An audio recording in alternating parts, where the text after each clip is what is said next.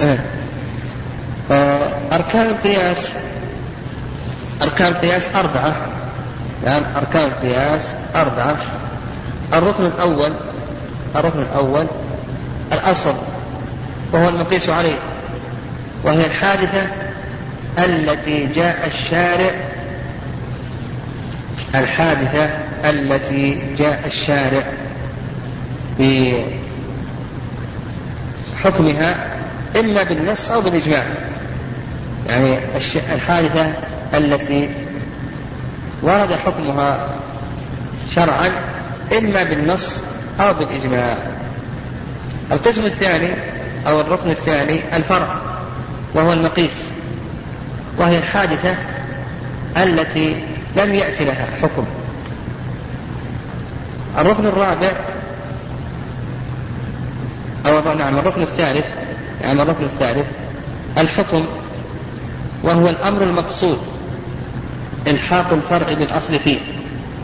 الحكم وهو الأمر المقصود إلحاق الأصل بالفرع فيه. الأمر المقصود إلحاق الأصل إلحاق الفرع بالأصل فيه. الأمر المقصود إلحاق الفرع بالأصل فيه. الركن الرابع العلة.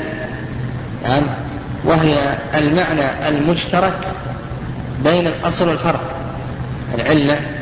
وهي المعنى المشترك بين الأصل والفرع. المقتضي إثبات حكم الأصل في الفرع. يقول المعنى المشترك بين الأصل والفرع المقتضي إثبات حكم الأصل في الفرع. حكم الأصل في الفرع. آه قال المؤلف رحمه الله ومن شروط القياس ومن شرط الفرع أن يكون مناسبا للأصل ومن شرط الأصل أن يكون ثابتا بدليل متفق عليه بين القسمين ومن شرط العلة أن تضطرد في معلولاتها فلا تنتقض لفظا ولا معنى ومن شرط الحكم أن يكون مثل العلة في النفي والإثبات والعلة هي الجانبة الحكم والحكم هو المجهول بالعلة. يعني آه القياس يشترط له شروط. لكي يثبت القياس ويكون صحيحا هذا يشترط له شروط. الشرط الأول أن يكون حكم الأصل يعني أن يكون حكم الأصل حكما شرعيا عمليا. ثابتا بالنص أو الإجماع.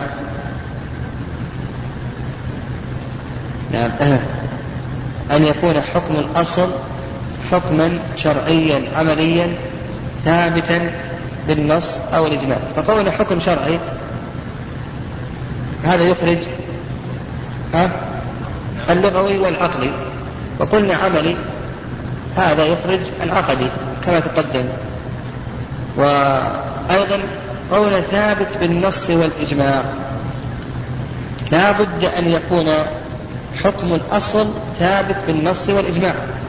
فإن كان حكم الأصل ثابت بالقياس ما صح القياس عليه. لا يصح القياس عليه. فمثلا الأرز قلنا يجري فيه الربا قياسا على البر. ثم قلنا في الذرة يجري الربا في الذرة قياسا الأرز قل هذا لا يصح. لأن حكم الأصل ثبت به شيء بالقياس. حكم الأصل هنا ثبت بالقياس. نقول لا يصح. بل لا بد أن يكون حكم الأصل ثبت بأي شيء نعم بالنص أو الإجماع. طيب. الشرط الثاني أنه لا بد أن يتفق الخصمان على الأصل. ولا يشترط في ذلك الإجماع. بل لا بد أن يتفق الخصمان على الأصل. فإذا كان هناك من ينازع في الأصل الخصم ينازع في الأصل لأنه لا يصح. فمثلا جلد الميتة على المذهب لا يطهر بالدم نجس. يعني جلد الميتة نجس لا يطهر بالدم. قالوا كقياء كجلد الكلب. نعم كجلد الكلب. هناك من لا يسلم أن جلد الكلب أنه نجس. مثلا عند الحنفية أن جلد الكلب ليس نجسا. فيقول أصلا أنا ما أسلم بأن جلد الكلب نجس. لا بد أن يتفق ماذا الخصمان على الأصل المقيس عليه. ولا يشترط اتفاق لا يشترط اتفاق الجميع بل لا بد من اتفاق الخصمين. طيب. آه الشرط نعم. طيب الشرط الثالث آه أن أن يكون حكم الأصل ثابتا ليس منسوخا. أن يكون حكم الأصل ثابتا ليس منسوخا. وأن يكون ثبوته بدليل يغلب على الظن صحته. أن يكون ثبوته بدليل يغلب على الظن صحته. الشرط الرابع أن يكون حكم الأصل معقولا. أن يكون حكم الأصل معقولا لتعدية الحكم. فما لا يعقل ما يصح القياس عليه مثل أعداد الركعات. ما ندري وش يعني أعداد الركعات العلة فيها هذه تعبدية ليست معقولة. مثل آية طواف السعي العلة فيه تعبدي ليس معقولا. مثل ولوغ الكلب في الإناء. قال العلماء رحمه الله العلة فيه تعبدية ليست معقولة. مثل أيضا أمر النائم إذا قام من نوم الليل أن ناقض الوضوء على المذهب. علة تعبدية ليست معقولة. يعني فقولهم تعبدي هذا ما يقاس عليها. إذا رأيت عندهم تعبدي يعني أنه لا يقاس عليه. طيب الشرط الخامس يعني أن توجد العلة. الشرط الخامس أن توجد العلة في الفرع بتمامها. أن توجد العلة بالفرع بتمامها. وهذا نعم آه. نعم وهذا قياس الأولى أو المساواة أو يغلب على الظن وجودها في الفرع نقول أن توجد العلة بتمامها في الفرع أو يغلب على الظن وجودها يغلب على الظن وجودها فيه. يعني توجد بالقطع. توجد بالقطع. أو يغلب على الظن وجودها في القسم أو الشرط السادس الشرط السادس. أن لا يكون حكم الفرع منصوصا عليه. ألا يكون حكم الفرع منصوصا عليه بنص يخالف الأصل. وإن كان منصوصا عليه بنص يوافق الأصل فيجوز القياس تقسيم كثير الأدلة. يعني إذا كان الفرع منصوصا عليه بنص يخالف الأصل ها فهذا ما يصح. نعم لا يصح القياس. نعم لا يصح القياس. لكن إذا كان منصوصا عليه بنص يوافق الأصل يصح القياس ولا يصح؟ نقول يصح هنا تكثيرا للأدلة. آه آه طيب الشرط السادس آه أن يكون الحكمان متساويين. أن يكون الحكمان متساويين. يعني حكم الفرع تكون مساويا لحكم الأصل. فلا يقاس واجب على مندوب وبالعكس. آه الشرط الثامن أن تكون العلة متعدية وليست قاصرة. الشرط الثامن أن تكون العلة متعدية وليست قاصرة. فإن كانت قاصرة فإنه لا يصح التعليل بها إذا كانت العلة قاصرة فإنه لا يصح التعليل بها. والشرط السادس أن تكون العلة أو التاسع. التاسع أن تكون العلة ثابتة. نعم أن تكون العلة ثابتة بمسلك من مسالك العلة. وسيأتينا مسالك العلة الإجماع والنص الاستنباط والتنقيح تنقيح المناط. إلى آخره هذه سيأتي إن شاء الله بيانها الشرط العاشر يعني ألا تخالف نصا ولا إجماعا إذا كانت مستنبطة. العلة اشترط فيها ألا تخالف نصا أو إجماعا. القياس إذا خالف النص فإنه يسمى فاسد الاعتبار. يعني يسمى فاسد الاعتبار. ويشترط ألا تخالف نصا ولا إجماعا إذا كانت مستنبطة الشرط الحادي عشر أن تكون وصفا مناسبا لترتب الحكم. فالوصف غير المناسب. الوصف الطردي. هذا ما يصح أن يكون علة. الوصف الطردي هذا لا يصح أن يكون علة. مثل يعني مثل الطول. هذا وصف طردي. أو مثلا حرمت الخمر لكونها حمراء. هذا وصف نعم هذا وصف طردي. ما يصح.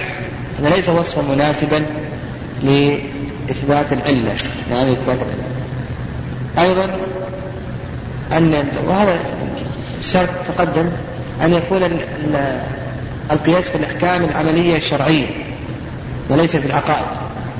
أن يكون القياس في الأحكام الشرعية العملية وليس في العقائد. إذا كان هذا سيؤدي نعم إذا كان هذا سيؤدي إلى البدعة سيؤدي إلى البدعة.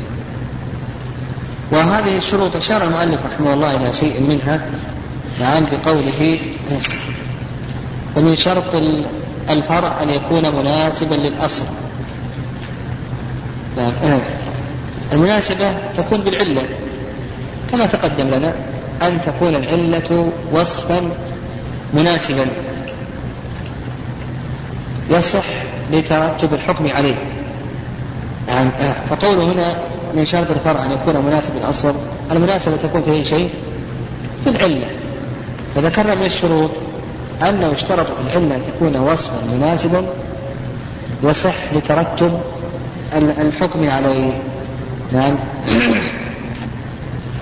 نعم. يصح لترتب الحكم عليه. مثل قول النبي عليه الصلاة والسلام لا يقضي القاضي وهو غضبان. فالعلة ما هي؟ تشويش تشويش الفكر والذهن. هذا نقول بأنه وصف مناسب يصح ترتب الحكم عليه. فنقول لا يقضي أيضا وهو حاقم أو لا يقضي وهو جائع ونحو ذلك.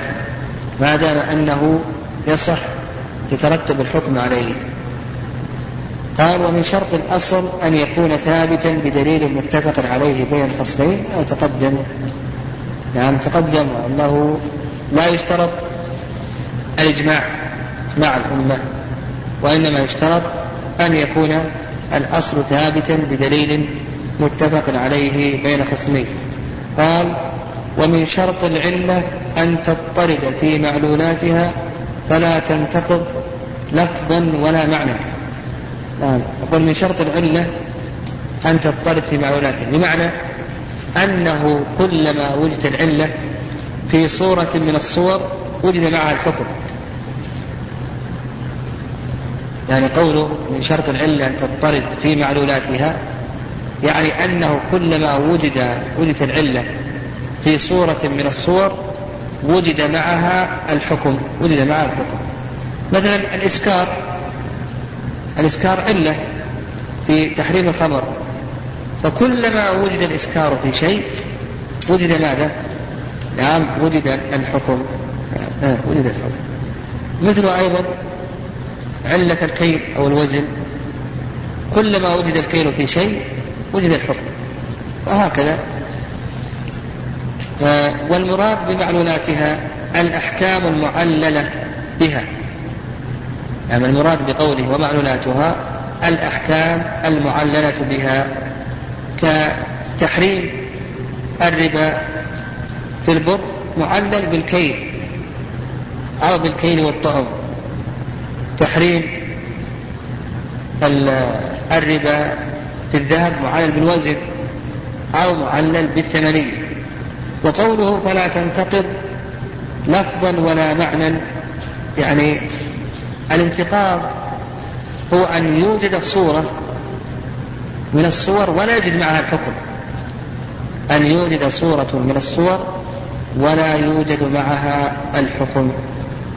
فإذا وجد صورة من الصور ولا يوجد معها الحكم فهل هذا من القوادح التي تبطل القياس مطلقا؟ أو نقول بأن في المسألة تفصيل. هذا فيه رأيان الرأي الأول وهو ظاهر كلام المؤلف رحمه الله أن هذا من قوادح القياس. يعني الرأي الأول أن هذا من قوادح القياس. يعني أن توجد صورة من الصور وينتفي معها الحكم.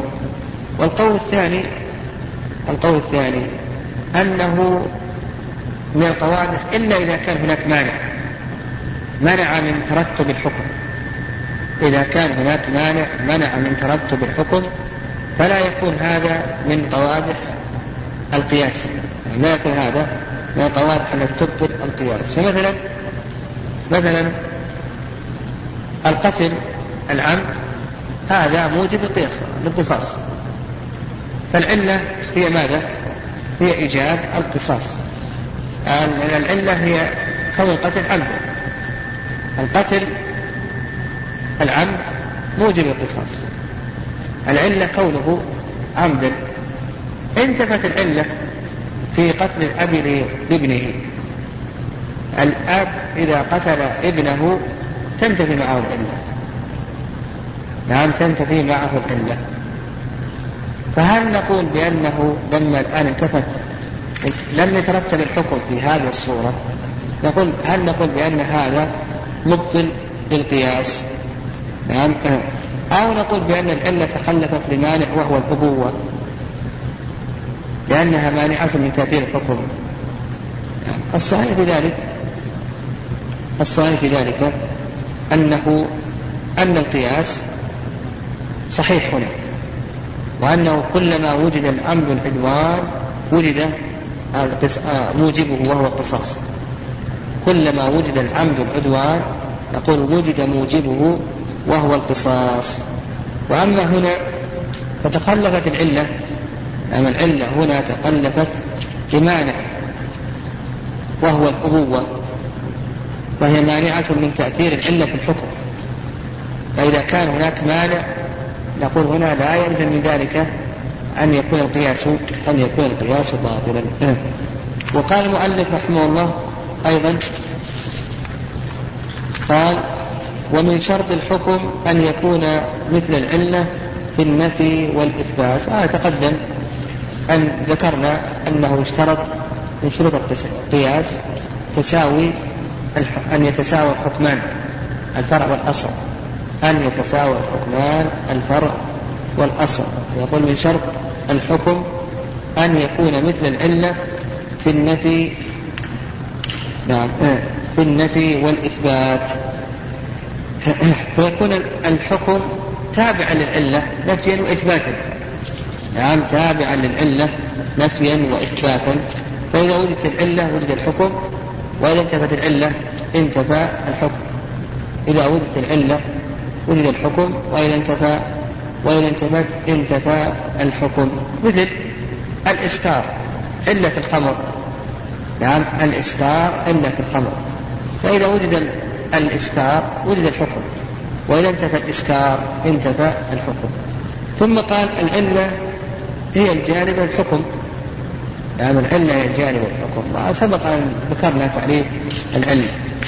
وعرفها المؤلف رحمه الله بقوله العلة هي الجانبة للحكم. يعني معنى ذلك يعني أن الشارع جعلها جانبة للحكم. فإذا وجدت العلة عدي عدي حكم الأصل إلى الفرع. عدي حكم الأصل إلى والحكم هو المجلوب للعلة. هذا أيضا تعريف لأي شيء؟ للركن ركن الركن الرابع والثالث أركان القياس. يقول الحكم هو المجلوب للعلة. يعني أن الحكم هي ما اقتضته العلة ما جلبته العلة واقتضت من تحريم أو تحليل أو صحة أو فساد إلى آخره. يعني إلى آخره. بقي علينا آه، يعني مسألة مهمة. طيب تتعلق بالعلة. العلة وطرق إثبات العلة. مسالك ماذا العلة؟ لا تعرض لها المؤلف رحمه الله. فنقول العلة في اللغة هي المرض. العلة لغة هي المرض. وأما في الاصطلاح فهي الوصف الجامع بين الأصل والفرع. الوصف الجامع بين الأصل والفرع.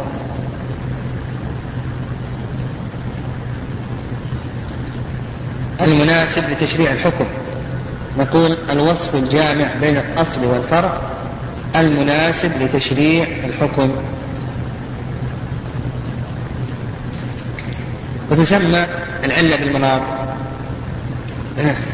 تسمى بالمناط. آه تجد كثير في كتب الفقه كتب الصلاة الفقه وتسمى أيضا بالمؤثر وتسمى أيضا بالمظنة والمستدعي والجامع والسبب والمقتضي. هذه كلها من تسمية العلة يعني السبب والجامع والمستدعي والمقتضي والمؤثر إلى آخره والمناط إلى آخره. واعلم أن الأوصاف يعني التي يعلل بها تنقسم ثلاثة أقسام الأوصاف التي يعلل بها يعني تكون علة. نقول تنقسم إلى ثلاثة أقسام. القسم الأول القسم الأول وصف يعلم أنه مناسب لبناء الحكم عليه.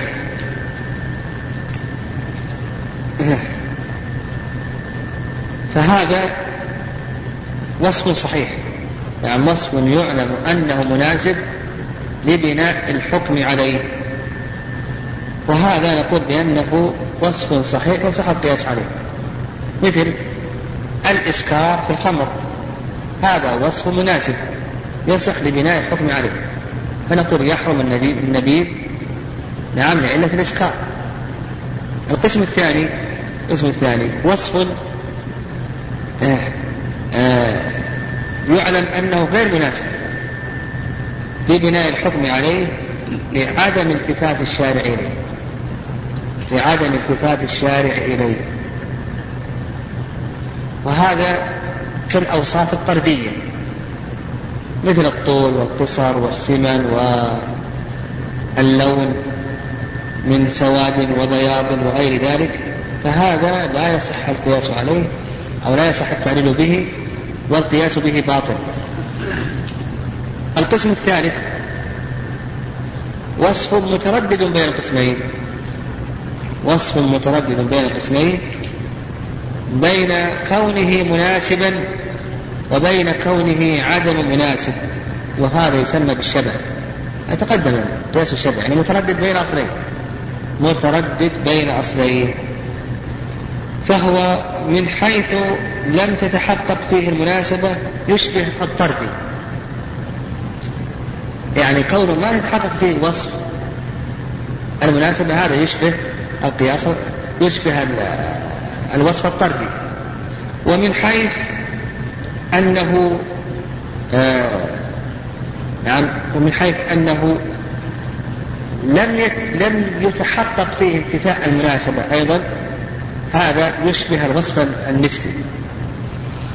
فهو الوصف الشبهي هذا متردد بين بين الأمرين بين الوصف الطردي والوصف ماذا؟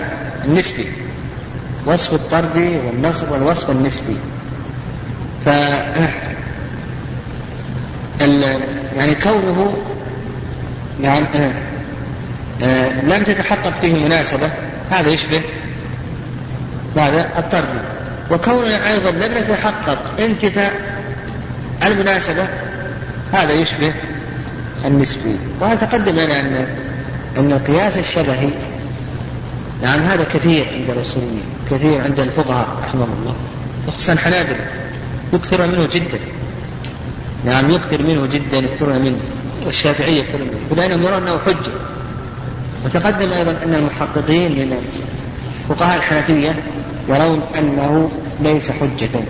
عند الحنفية يرون أنه ليس حجة طيب مسالك العلة يعني إثبات العلة.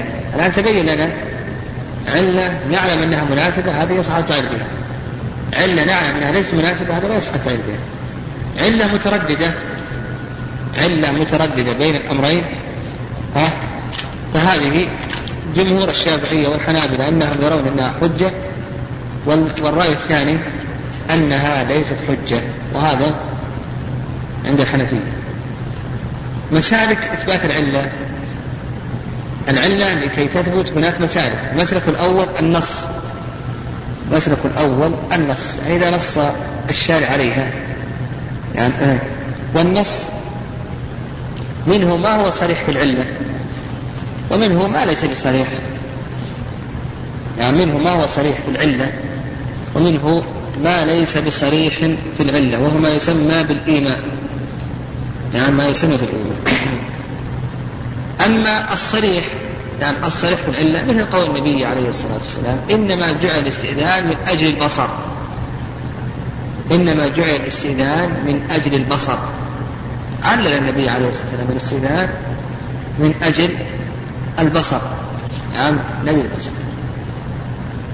منه ما ليس بصريح وهو ما يسمى بالإيمان يعني بالإيمان وهو التنبيه على العلة.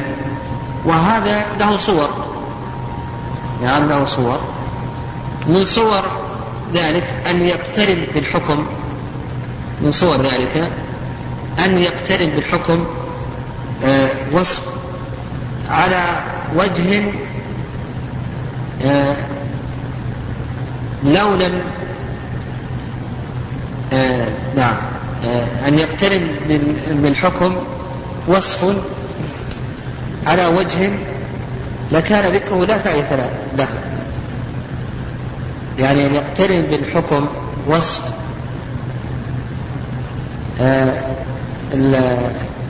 لو قلنا بعدم اعتباره لكان ذلك أبعد عن الفصاحة ولا فائدة منه. لو قلنا لو قلنا بعدم اعتباره لكان ذلك أبعد عن الفصاحة. وإذا قلنا باعتباره كان ذلك أقرب إلى الفصاحة. نعم إلى أقرب إلى الفصاحة. ف آه، وكذلك أيضا أن يذكر الحكم يعني من صورها أن يذكر آه، عقب الحكم وصف بالفاء. أن يذكر عقب الحكم وصف بالفاء. ومثال ذلك نعم مثال ذلك قول الله عز وجل ويسألونك عن المحيض قل هو أذى فاعتزلوا النساء في المحيض. ويسألونك عن المحيض قل هو أذى فاعتزلوا النساء في المحيض. فهنا ذكر الحكم عقب عقب وصف نعم عقب وصف بالفاء قل هو أذى فاعتزلوا النساء. فاعتزلوا النساء في المحيض. فالحكم هنا ذكر عقب وصف بالفاء وكذلك أيضا من صوره أو من أنواعه أن يذكر الحكم مقرونا بوصف مناسب. أن يذكر الحكم مقرونا بوصف مناسب. مثل قول الله عز وجل إن الأبرار لفي نعيم. إن الأبرار لفي نعيم. هذا بالنسبة لمسلك النص. وقلنا بأن النص منه ما هو صريح منه ما ليس بصريح ويسمى الإيمان والإيمان يذكر الإيمان يذكر مع الحكم وصف آه لو كان ليس فيه فائدة كان أبعد عن الفصاحة وذكرنا نوعين من أنواعه المسلك الثاني الإجماع. الإجماع على أن هذا على أن العلة في كذا هي العلة في كذا. فمثلا العلماء رحمه الله أجمعوا على أن العلة في الحجر على الصغير هي الصغر. العلماء رحمه الله أجمعوا في أن العلة في الحجر على الصغير هي الصغر. فهذه علة. آه، فالعلة علة الولاية على الصغير هي كونه صغيرا. فإذا بلغ انتهت العلة. المسلك الثالث الاستنباط. يعني المسلك الثالث الاستنباط.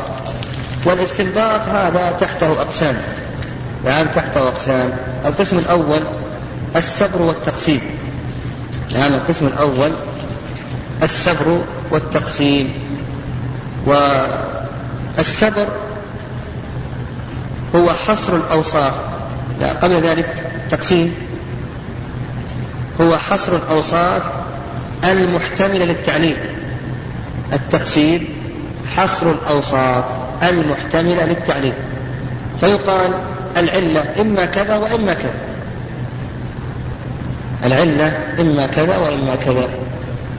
تقول العلة في كذا إما كذا وإما كذا. هذا حصر. السبر اختيار الوصف. اختيار الوصف المناسب أو اختيار الوصف الصالح.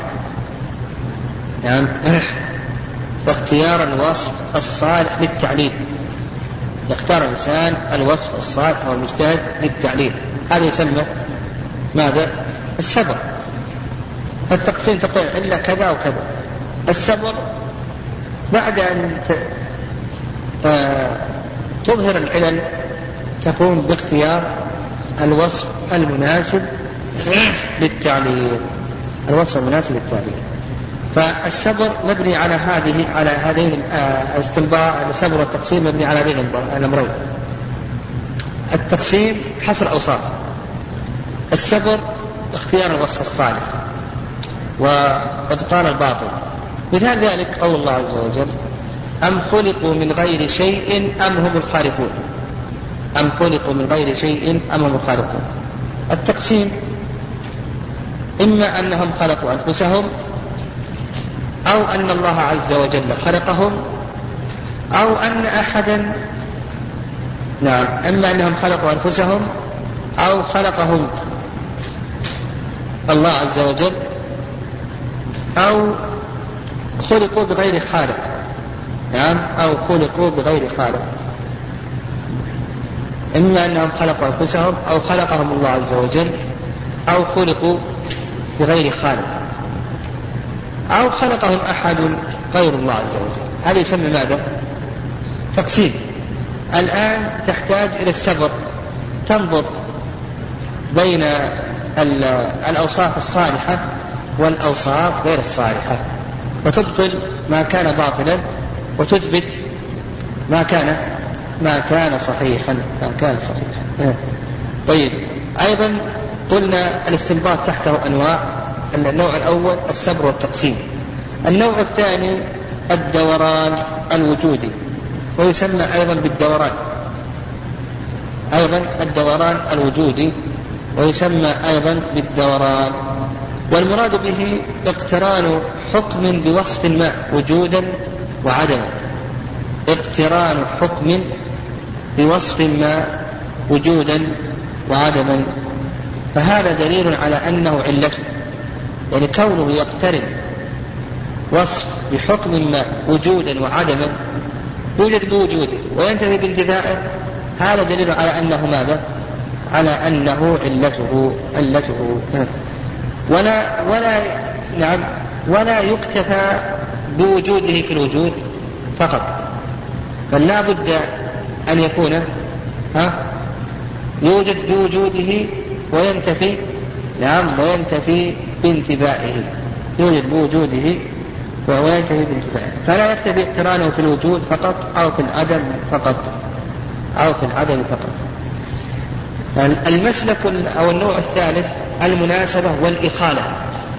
النوع الثالث المناسبة والإخالة. الإخالة يعني الظن يعني يعني أنه يظن أن هذا الوصف مناسب. يظن أن هذا الوصف مناسب. آه والمراد به أن يكون الحكم مقترنا. أن يكون الحكم مقترنا بوصف نعم أن يكون الحكم مقترنا بوصف يصلح بناء الحكم عليه. فيجعل هذا الحكم علة أو يجعل هذا الوصف علة لهذا الحكم. نقول المناسبة والإخالة أن يكون الحكم مقترنا بوصف يصلح لبناء الحكم عليه. فيجعل هذا الوصف علة لهذا الحكم وهذا كما تقدم لنا مثل الإسكار. نعم مثل الإسكار. علة في تحريم الخمر فهذا وصف صالح لبناء الحكم عليه. وهنا الآن اقترن الحكم بوصف يصلح لبناء الحكم عليه. قول النبي عليه الصلاة والسلام كل مسكر خمر كل مسكر خمر. فالخمر هنا الآن اقترن بوصف يصلح لبناء الحكم عليه فيصلح فنقول يجعل هذا الوصف علة لهذا الحكم. علة لهذا الحكم. طيب المسلك الرابع آه تنقيح المناط. المسلك الرابع تنقيح المناط. و التنقيح في اللغة التشديد المسلك الرابع تنقيح المناط والتنقيح في اللغة التشديد والتهذيب. والمناط كما تقدم أنه من أسماء ماذا؟ العلة. والمراد أو تعريف تنقيح المناط في الاصطلاح أن ينص الشارع على الحكم ويضاف إلى ألو... نعم ويضيفه إلى وصف. ويقترن به أوصاف أخرى. يعني الشارع ينص على الحكم ويضيفه إلى وصف ويقترن بهذا الوصف أوصاف أخرى لا مدخل لها في الإضافة وش يقول المجتهد؟ المجتهد يقوم بحد ما لا يصلح. نعم ما لا يصلح. واضح؟ توضيح المناطق. يعني أن ينص الشارع على حكم ويضيفه إلى وصف ويقترن بهذا الوصف أوصاف أخرى. فيقوم المجتهد بتنقيح ماذا؟ بتنقيح الأوصاف التي لا تصلح. لا تصلح. فمثلا في حديث ابن هريرة رضي الله تعالى عنه في قصة المجامع امرأة في نهار رمضان أنه جاء أعرابي آه، ينتف شعره ويلطم خده ويقول هلكت. فقال النبي عليه الصلاة والسلام ما أهلكك؟ قال وقعت على امرأتي في نهار رمضان. قال أعتق رقبة إلى آخره. وهنا عدة أوصاف. كونه أعرابي هذا وصف. كونه يلطم خده وينتف شعره. هذا وصف. كونه جامع في نهار رمضان. هذا وصف. كونه أيضا الجماع الآن صار للمكلف هذا وصف. إلى آخره. فكونه أعرابي هل يصح؟ بناء العلة عليه أو لا يصح؟ ما يصح التعليل به. هذا نقول بأنه لا يصح التعليل به. كونه أعرابي. كونه أيضا يلتم خده ويلتم شعره إلى آخره. يقول هذا ما يصح. نعم هذا لا يصح. كونه وطئ في نهار رمضان جامع في نهار رمضان ها؟ يصح.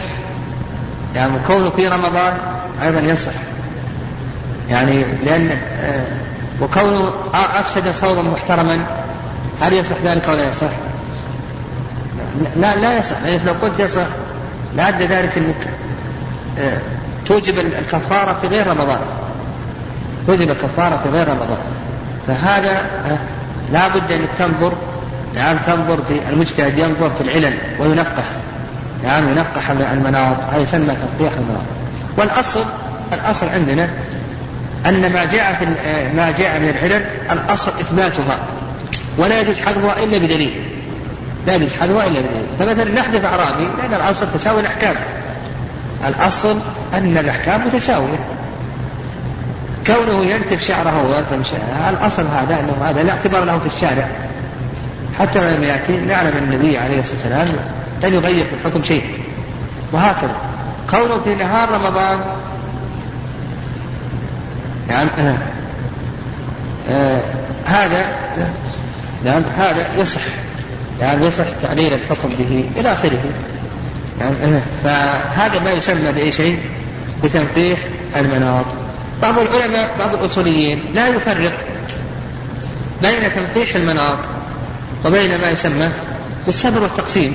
نعم بالصبر والتقسيم وبعض الأصوليين فرق بينهما وجعل كل منهم مستقلا. فقال بأن التنقية الصبر والتقسيم فيما كانت العلة مستنبطة. أما تنقيح المناط فهو فيما كانت العلة جاءت في أي شيء في النص. فهي جاءت في النص نعم ظاهرة في النص ومحصورة. أما بالنسبة للصبر والتقسيم فهي لم تأتي بالنص وإنما يستنبطها المجتهد. يستنبط عللا ثم بعد ذلك نعم يقوم بصبر هذه العلل. أما بالنسبة لتنقيح المناط فقالوا بأنه خاص بأي شيء؟ ها؟